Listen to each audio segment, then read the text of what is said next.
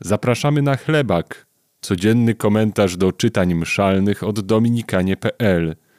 Dzisiaj usłyszysz Tomasza Albrechta z Lednicy i Szymona Bialika z Krakowa. Z pierwszej księgi Samuela. Gdy Dawid wracał po zabiciu Filistyna Goliata, kobiety ze wszystkich miast wyszły ze śpiewem i tańcami naprzeciw króla Saula przy wtórze bębnów, okrzyków i cymbałów. I zaśpiewały kobiety wśród grania i tańców. Pobił Saul tysiące, a Dawid dziesiątki tysięcy. A Saul bardzo się rozgniewał, bo nie podobały mu się te słowa. Mówił: Dawidowi przyznały dziesiątki tysięcy, a mnie tylko tysiące. Brak mu tylko królowania. I od tego dnia patrzył Saul na Dawida zazdrosnym okiem. Saul namawiał syna swego Jonatana i wszystkie sługi swoje, by zabili Dawida. Jonatan jednak bardzo upodobał sobie Dawida. Uprzedził więc Jonatan Dawida, mówiąc: Ojciec mój, Saul, pragnie cię zabić. Od rana miej się na baczności. Udaj się do jakiejś kryjówki i pozostań w ukryciu. Tymczasem ja pójdę, by stanąć przy mym ojcu na polu, gdzie ty się będziesz znajdował. Ja sam porozmawiam o tobie z ojcem. Zobaczę, co będzie i o tym cię zawiadomię. Jonatan mówił życzliwie o Dawidzie ze swym ojcem Saulem, Powiedział mu: Niechaj nie zgrzeszy król przeciw swojemu słudze Dawidowi. Nie zawinił on przeciw tobie, a czyny jego dla ciebie bardzo pożyteczne. On przecież swoje życie narażał. On zabił Filistyna. Dzięki niemu Pan dał całemu Izraelowi wielkie zwycięstwo. Patrzyłeś na to i cieszyłeś się. Dlaczego więc masz zamiar zgrzeszyć przeciw niewinnej krwi, bez przyczyny zabijając Dawida? Posłuchał Saul Jonatana i złożył przysięgę. Na życie Pana nie będzie zabity. Zawołał Jonatan Dawida i powtórzył mu całą rozmowę. Potem zaprowadził Dawida do Saula i Dawid został u niego jak poprzednio.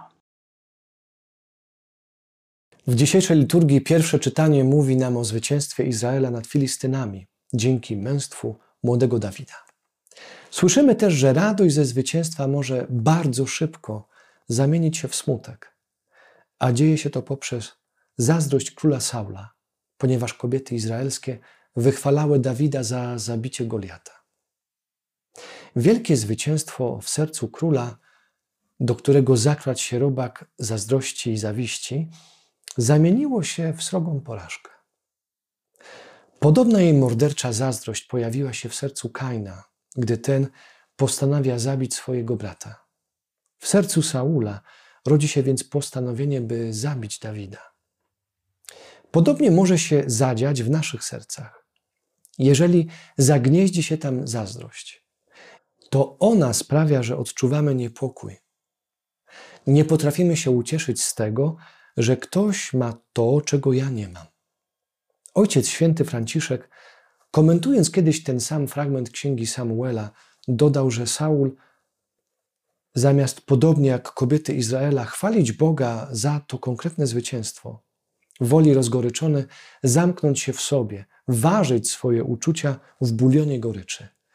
Lubię bardzo tą kulinarną analogię Ojca Świętego, ponieważ ma ona swój smak. Pokazuje też ona pewien mechanizm, który w nas, Polakach, może często się uaktywniać. Jeżeli marynujemy wytrwale nasze serca w zazdrości, poimy je goryczą tego uczucia, to ostatecznie tracimy radość życia. Ucieszmy się dzisiaj zwycięstwem Dawida tak bardzo, jak bardzo nie mógł tego zrobić król Saul. Ucieszmy się także z sukcesu kogoś, kto jest blisko nas, a komu jeszcze nie kibicujemy.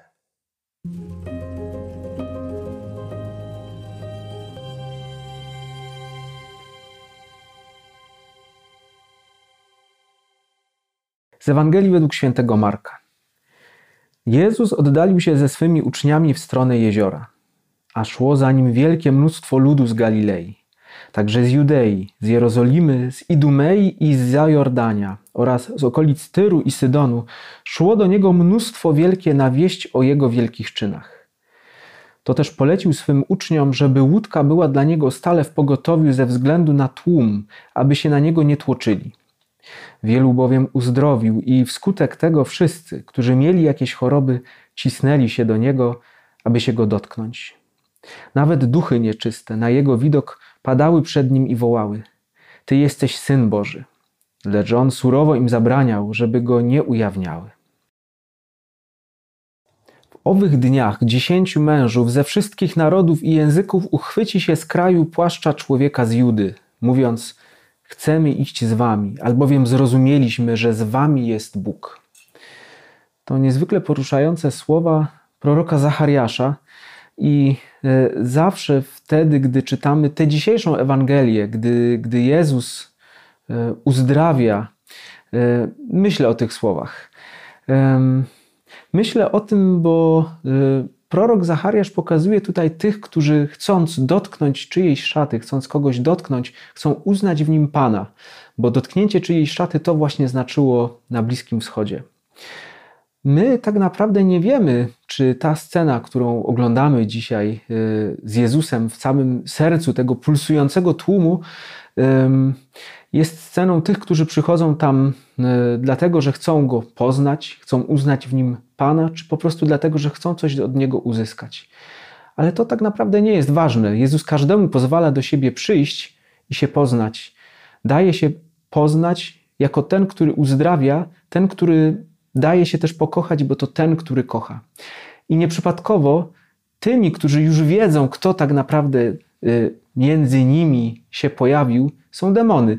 I one krzycząc, one wprawdzie Boga wyznają, ale bardziej po to, żeby uczynić jakiś zamęt, niż o to, żeby go uznać jako swojego Pana. One go poznają, ale go nie uznają. One się go boją. Dlaczego? Bo go nie kochają. E, I dlatego demony właśnie protestują, dlatego te demony szaleją i dlatego Jezus je ucisza, żeby nie przeszkadzały tym, którzy przychodzą, może choćby tylko po to, żeby coś uzyskać. Ale każdy, kto do Jezusa przychodzi, ma też szansę, żeby go poznać i pokochać. Z różnych powodów może jesteś dzisiaj tutaj, w tym miejscu internetu, może z nudy, może z ciekawości, może z jakiejś sensacji, może z miłości. Ważne, że jesteś, ważne, że słuchasz Jezusa, ważne, że słuchasz o Jezusie, bo to On tutaj sam przemawia, e, chociaż może ci się to wydać dziwne, że gada przez e, usta gościa w jakimś dziwnym białym stroju. E, spróbuj i ty go pokochać.